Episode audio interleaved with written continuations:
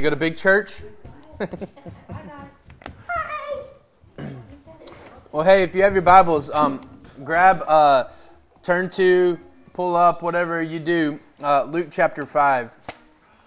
Um, so the Lord, um, you know, I think everybody, we could all talk about, like, what's the thing that is that thing that the Lord always reminds you that you need to deal with? And there's this overarching thing that probably for all of us, um, you're unique if you've never had to deal with pride, right? Like we, we've all had to deal with pride at some point in time. So you're unique if you've ever, never ever has the Lord said, "Hey, when are you going to deal with this pride issue?" Right? Um, there's something about us being wired as human beings that says pride's going to win the day, right? The natural occurrence in my heart, and um, I mean, is Eliza the youngest? Is she the youngest? Okay, so in my heart and in her heart, there's a natural occurrence of pride for all of us, right?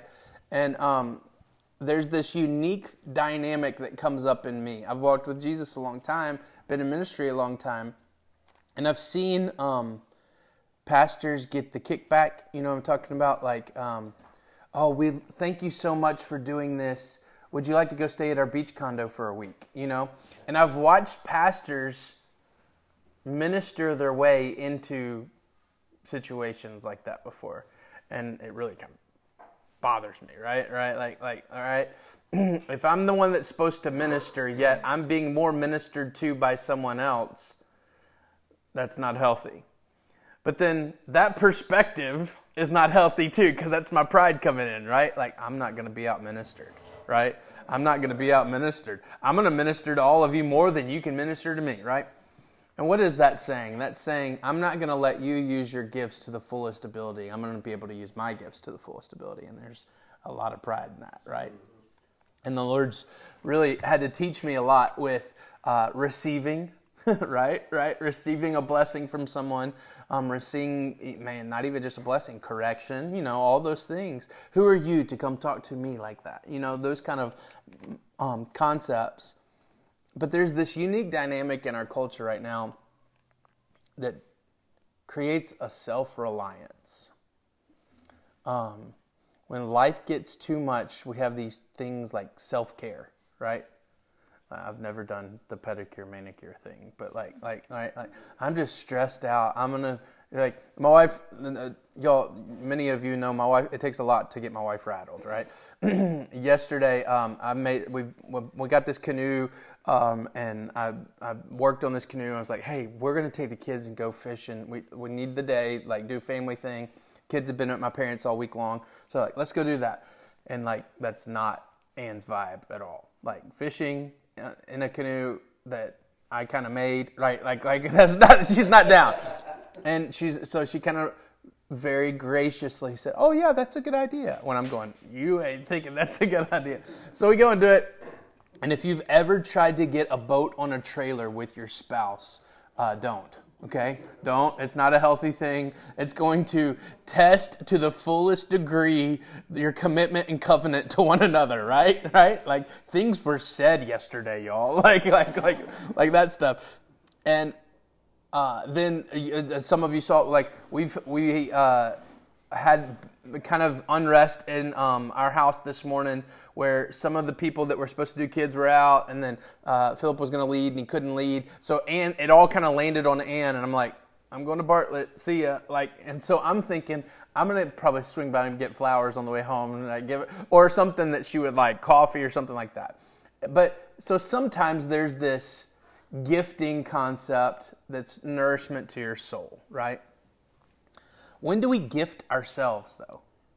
Sometimes we say, I deserve, and we kind of act in a way, go by in a way, do in a way. And I really can't find that in the heartbeat of the Father.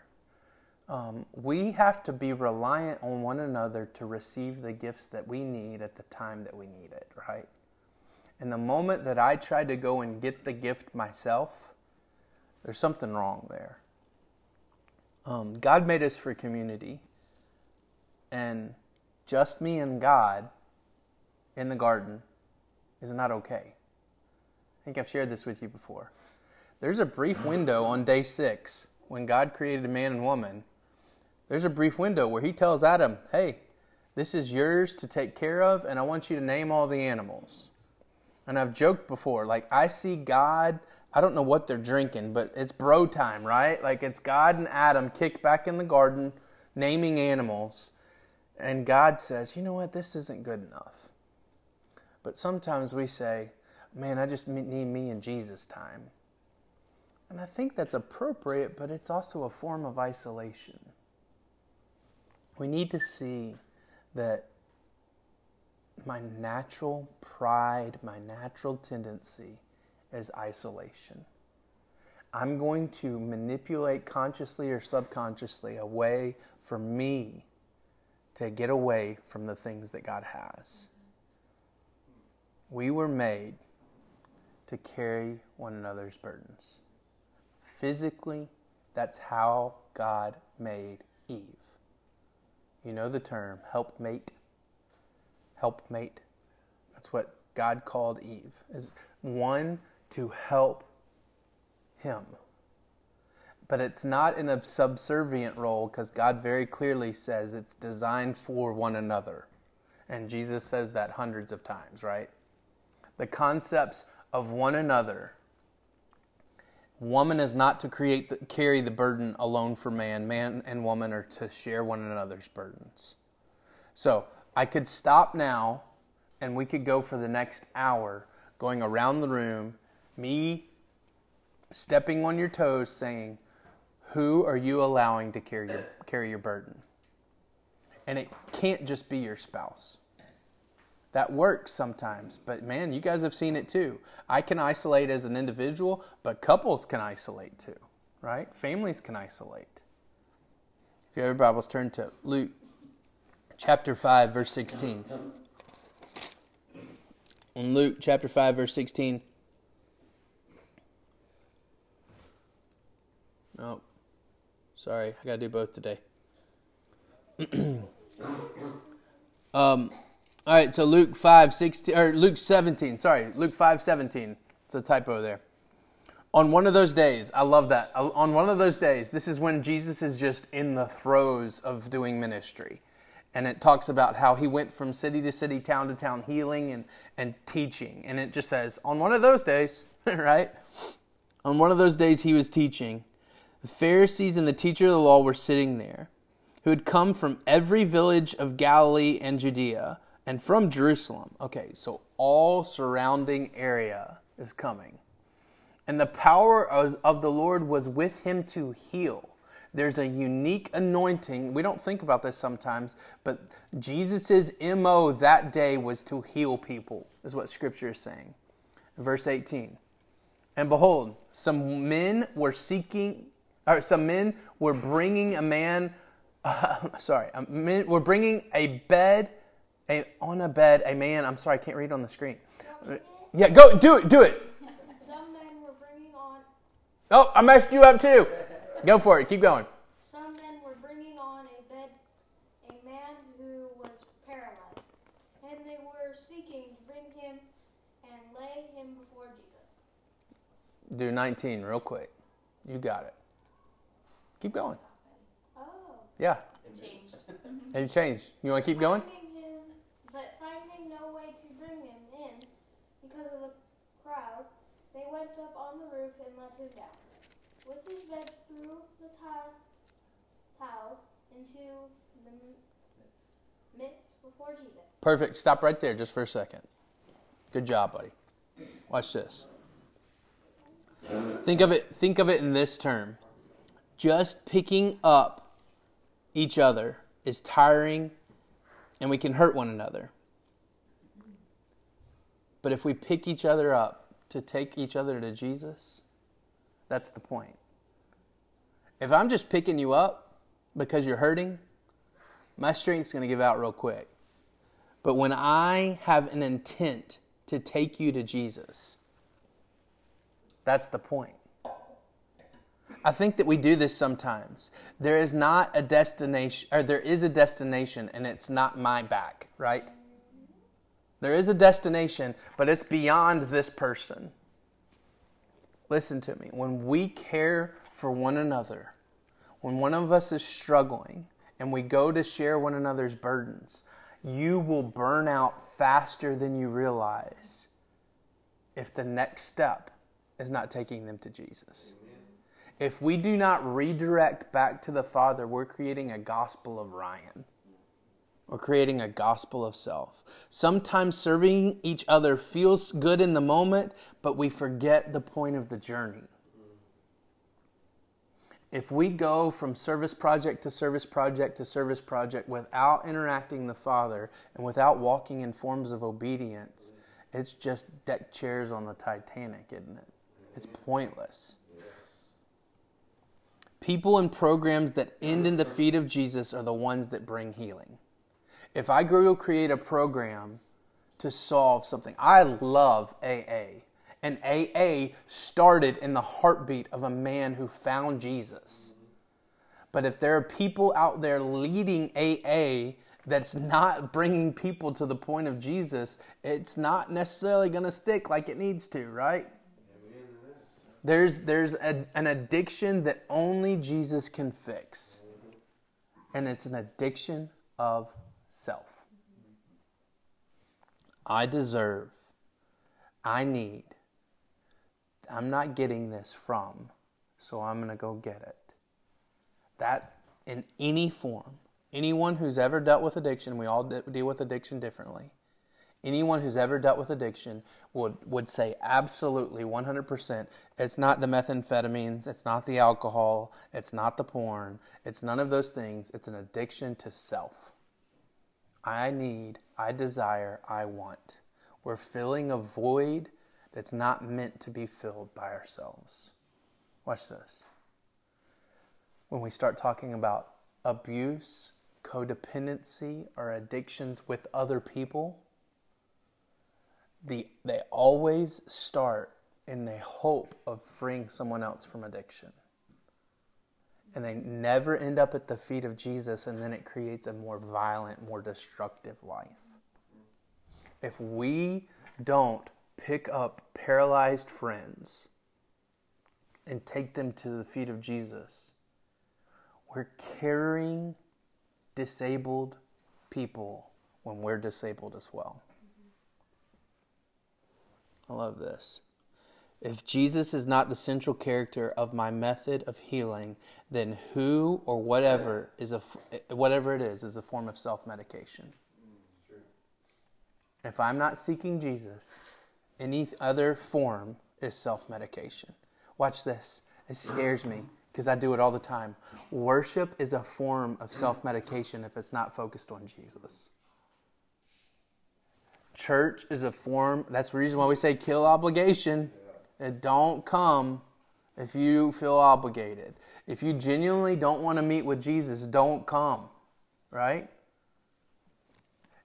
Feeling emotionally interacting in those ways to where it uplifts can be a form of self medication.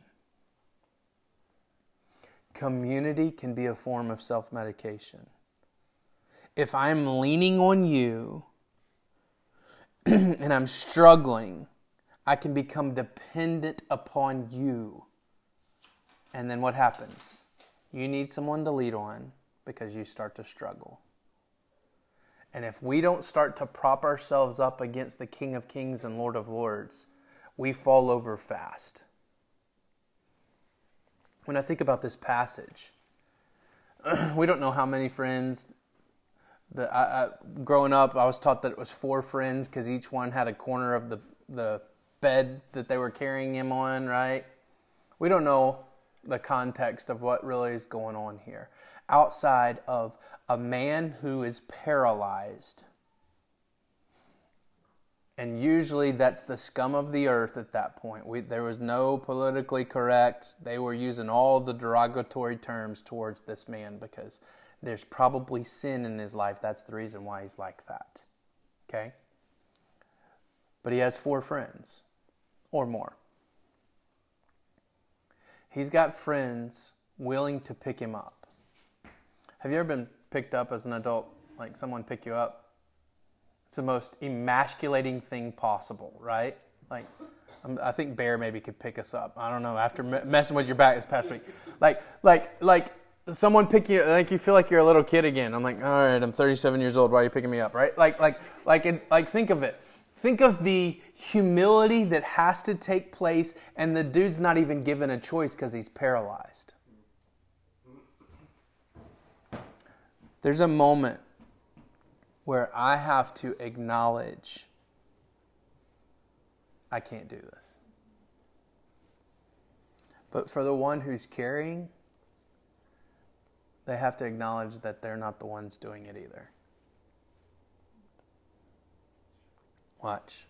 Great intentions can easily replace Jesus with self. Go look at uh, what, um, Salvation Army. Salvation Army and St. Jude are the number one um, nonprofit, uh, I guess, receivers of money. Basically, St. Jude brought in $1.4 billion last year, something like that. And Salvation Army is like 1.8. Like they go back and forth with who's going to take bring in the most money. Um, both do incredible things, right? Incredible things. Very grateful for them. But if we solve childhood cancer with St. Jude and all the money given, yet don't redirect people back to Jesus, and this life's but a vapor, what have we really done? And I'm not downplaying that. All those things were started with the intent of distributing the gospel. That's what Salvation Army was. United Way, all these different places. What happens over time is we have this innate great intention to do man made methods and we get away from the heartbeat of the Father. That is the church today. Great intentions creates great programs, and all of a sudden we become maintainers of programs versus distributing the gifts that God has given us. Self care, talking to friends about the things you need to be talking to the Father about, praying about action, but God's already told you the action to take. All these things, praying, talking to friends, even self care in some capacities, they all have great intention.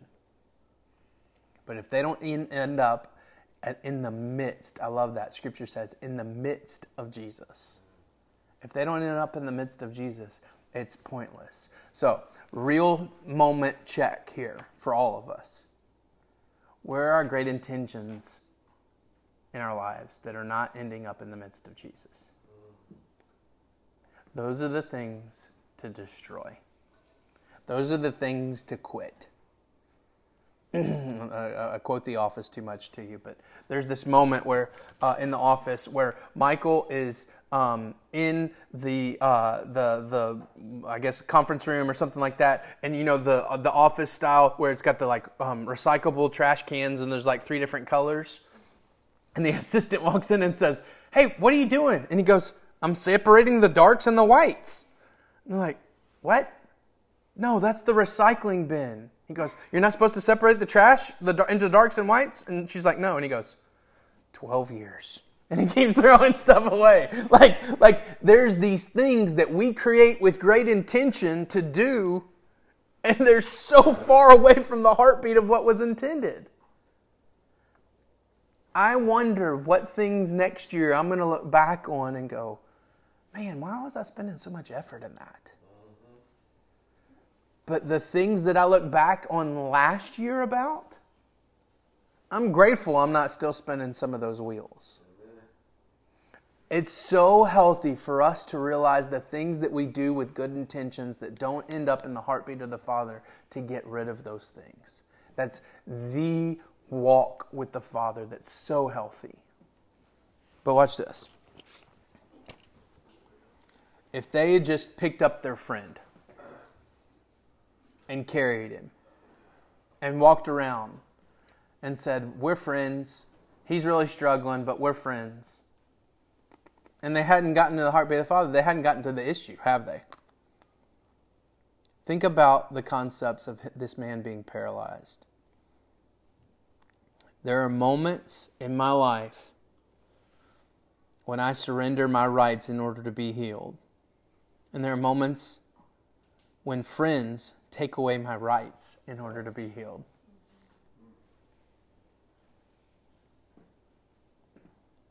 Christian, you down to keep reading? Yeah. Let's do it. Start at verse 20. Uh, Oh, I'm sorry. Back up just a second. Do 19 and 20. But finding no way to bring him in, because of the crowd, they went up on the roof and let and lent, lent, let him down, with his bed through the tiles, in the midst before Jesus. And when he saw their faith, their faith, he said, "Men, your sins are forgiven." All right, you can stop there. But finding no way to bring him in. Okay, I don't know if you've carried somebody before, especially somebody that's paralyzed, dead weight, right? That's difficult. It's not paved roads, right? There's no ambulance here. They're carrying this dude. Dude's paralyzed. There ain't nobody washing him. They're in personal space. It probably stinks. This is not the glorious, oh, good, good job, guys. You're the hero concept, right?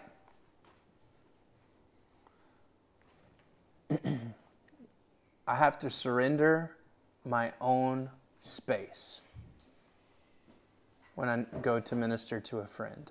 I have to surrender my own movement when I desire to be healed. I have to surrender my own plan. I don't know what a paralyzed man's plan is for the day, but it wasn't this. And I don't know what his friend's plan was, but it wasn't this until the Lord kind of spoke it into him. Don't you think if you're the paralyzed guy laying on the ground and they're picking you up, there's fear coming over you? But then they're like, oh man, it's too crowded. They're like, let's go to the roof. Who's that friend, by the way? Right? Right? Kevin, for some reason, I think you're that dude. Hey, I got an idea. We're going to the roof, right? Who's, what are you doing if you're the one on the mat? Guys, stop. This is too much. hey, hey, guys, really, I'm good. It's okay. You tried, right? But there's moments in our lives, because of how we isolate, that desperation takes over. And sometimes I have to have friends be desperate for me. The Lord gave me this this past week. Desperation is always a clean canvas of faith, or for faith. When I'm desperate, God pulls out his paintbrushes, right? When I'm desperate, he rolls up his sleeves and goes, okay, let's go. Then, when I get to moments where I'm so isolated that I don't realize how desperate I am, what does he do? He puts desperation on my friends. I've shared this story with you before, and Anne's not here, so I can really share it today. Um, Anne broke up with me when we were in high school. Like, straight up, straight up broke up with me. Long story short, she had a friend, uh, a, boy that she, people always think this sounds physical. It's not physical. She had emotionally given her heart away to a guy in middle school, okay? And like, he would pop in and pop out of her life every now and then. And Anne was the girl that always had to have the boyfriend. I'm not talking about it. I'm telling her story, how she would normally tell her story. Always had to have a boyfriend through high school and stuff. And then I come walking in, I look across the room and go, hey, there we go you know? And i asked her uh, and she was in a relationship that was ending and she's like let me end this. We'll wait a month and then we'll start dating. Unbeknownst to me the lord had told her no you need to go at least half a year without having a boyfriend. She just kind of sped up god's timeline. So we start dating. We date five weeks and old boyfriend comes walking back into her life. I didn't know right and uh, she turns and looks at me after an incredible worship service that we were at um, and she says hey uh, we need to talk. I'm like li- i mean literally this is this is left field right? Like this is left field. Everything's great in my mind. And um, okay what's up? Hey we're done. What? Yeah we're done and um, I was at Showplace Arena, Shelby Farm, Showplace Arena. It's pouring down rain. I'm in, a, a, 1988 Isuzu Trooper. Okay, you know, like it's basically a box on wheels. Like they they recalled some of them because they were so top heavy, and I almost flipped it pulling out of the parking lot. Okay, get home. I'm emotional. Like my parents are like something's wrong here. I go three days and I don't leave my bedroom. I'm not kidding you. Three days. And I literally knock on my bedroom door, and it's one of my accountability partners who is a crazy pothead now. but, but it's one of my accountability partners. And um, my mom's kind of in the background, and I'm trying to figure out okay, did they come by, or did she call them and tell them to come by, right? And they're like, hey, we need to go to the movies. Let's go to the movies. You got to get out of the house. I'm like, sweet. Uh, uh, we'll go see a movie. We saw Omega Code. Remember that movie back in the day? Oh my goodness! Like, like finally, Christian movie shows up, and it's like we're gonna go see the Christian. Who who does that, right? We went to go see this horrible movie, but I was I was kind of feeling better after the movie. Okay, things are good. I have no clue still why Anne's broken up with me, and we go to walk out of the um, movie theater right here on stage, and 15 feet in front of me, she's holding hands with ex-boyfriend walk across the parking lot and they ripped my shirt, pulling me back. She never heard me, thank goodness. But I'm like screaming and, all, and went nuts. AOL Instant Messenger got lit up that night, right? Right? um, and and long story short, long story short, I won, right? Right? No, no, long story short, God really used that in some ways to really kind of rend away some stuff out of both of us. But I tell you that story that I'm in a desperate hole in my room. I don't know if wallowing is a good term because I probably would have argued with you in that context. We never really say that we're wallowing in our own misery. But the, really, that's what we're doing. In my perspective, I'm really hurt and I just need some space. You said that before? Reality is, I need people to be desperate enough on my behalf to come pull me out of the hole. Amen. In the moment, I don't agree. So, once again, right now, what hole are you in that you're fighting somebody trying to pull you out of? Because we all are there in some form or fashion. I even said this to Jason last night. My spiritual gift is getting the crap to the top. I, I don't know why God's gifted me with that sat down with a couple that was struggling a couple weeks ago, and we're 15 minutes into the conversation talking about what happened when she was three, right? Like it's just something the way the Lord's kind of gifted me to rip the band aid off and let's get in and start cleaning the wound kind of thing. At some point in time, we all need to acknowledge that we're in a hole that I need Jason to be desperate enough to pull me out of that I need Bear to come knock on my door and say, Get out of this room. Come on. to allow the isolation to take place on a leash sometimes is healthy. I need to experience a little bit of the grief. But when I start to wallow in the grief, you guys start pulling the leash out. Desperation is always a clean canvas to, for God to start to do something. Acknowledging that I am desperate, that I'm in desperate positions me in the right standing with God. When I acknowledge I'm desperate, it positions me in the right standing with God. But I love this. Acting out of desperation should always position me kneeling before God. My first acknowledgement should be, You're God, I'm not, I need some help here. My first action should be, in that vein of kneeling and worshiping the Lord.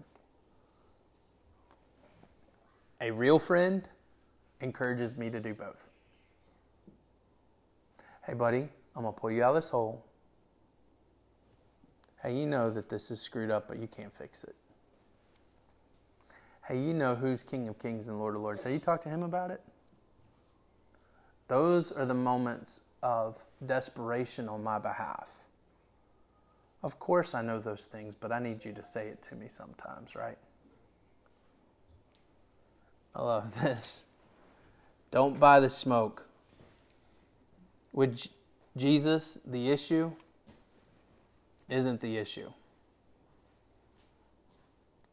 Have you ever walked in and tried to talk to the Lord about something, and it's kind of like He's fanning away all the smoke that you're blowing at Him?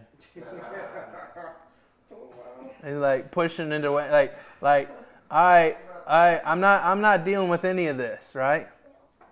All the drama around this man is not being able to walk, but that is not his story.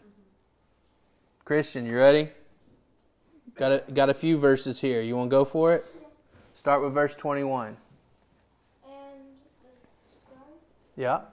and the Pharisees began to question, saying, Who is is this who speaks of blasphemy? Blasphemies. You got it, dude. Who can forgive sins, but who can forgive sins, but God alone? All right. You got that part? When Jesus per- perceived their thoughts, he answered them, Why do you question in your hearts? Which say, e- which is easier to say, Your sins are forgiven you, or to say, Rise and walk. But that you may know the son, that the Son of Man has authority on earth to forgive sins. He said to the man who was paralyzed, I say to you, rise, pick up your bed, pick up your bed and go home. Think of this four friends or more lowering a man through a roof. I love the analogy. Jesus is in this house teaching, and it's so packed, and all of a sudden, dust starts to fall. And dust starts to fall because someone's tearing up the roof.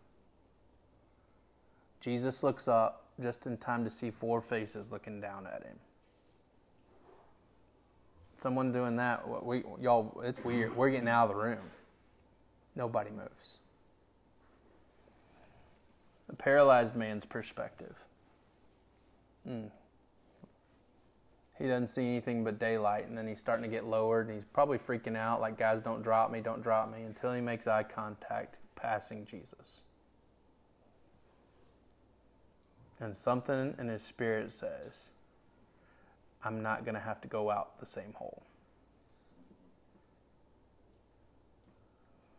The issue of the house being packed, the issue that the man can't walk, is not the issue. The issue is a thing that's inside all of us, and it's the sin issue. Sure, I can fix the man's legs.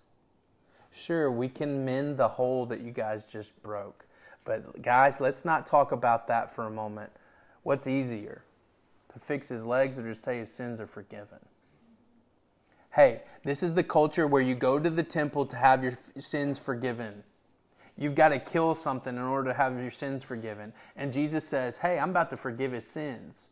So then everybody starts thinking, and Jesus sees what they're thinking. Hey, what, who, how blasphemous is this? And he goes, Hey, I know what you're thinking right now. Jesus is not willing to deal with the drama of paralyzed, crowded room, religious spirit. The thing that he addresses in every last one of them is I'm God, I'm over this, and I'm going to rewrite the story. So let's flip it to us for a minute. Whatever the drama is, whatever the smoke is that we're dealing with, financial or, or stuff going on at home or whatever that stuff is, Jesus is just blowing the smoke side to side and saying, Hey, are you going to let me rewrite the story? Does this man bow up when people say, Hey, were you the guy that was paralyzed? Man, don't call me that no more. Because I was, but I'm not anymore. I'm the man who had his sins forgiven. I'm the man that took his mat home. I carried my own mat. You ever thought about that for a moment? Why did Jesus let, tell him to keep his mat? Because the method that we get into the midst of the Jesus is the method that I need the reminder to get in the midst of Jesus. I've got to get back to that moment. There's still going to be a moment of desperation for this paralyzed man, right? He's literally learning how to walk again in all avenues of his life. So when desperation hits, he looks over at that corner and sees that mat. Okay, if I get desperate enough like that again, I know that I can get in the midst of Jesus. He's going to heal, He's going to fix, He's going to rewrite the story. I just went to be healed, but He forgave my sins. Think about that story. This man must not have must have someone bring him to Jesus, but that's not the issue. This man must be lowered through the roof, but that's not the issue. This man is paralyzed, but that's not the issue. Only God forget, can forgive sins, but that isn't even the issue. Watch this. Just healing a broken body still leaves me a broken man with a good a new body. Our issues are just wooden slats in the bridge of faith that leads to our eternal healing and redemption. How I get into healing are usually the issues that I'm dealing with. If I get desperate enough to struggle, I get desperate enough to call one of you, I get desperate enough to where one of you have to call me, that's just a step into the throne room of grace we have to take those steps. The only way we can take those steps is through methods of t- trans- transparency. The only way we can take those steps is when we're living life with one another, knowing what each other's are struggling with. The only way that we can take difficult steps is with one another. I have to carry you, you have to carry me. And even when we don't want to, right? Let me pray. God, we make much of you today. We sit with you for a while. And Lord, you rewrite story. You, you mend, you heal, you fix. But Lord, in these moments, I pray that we'd be people willing to be carried and people willing to go carry others. In Jesus, we love you. In Jesus' name, amen.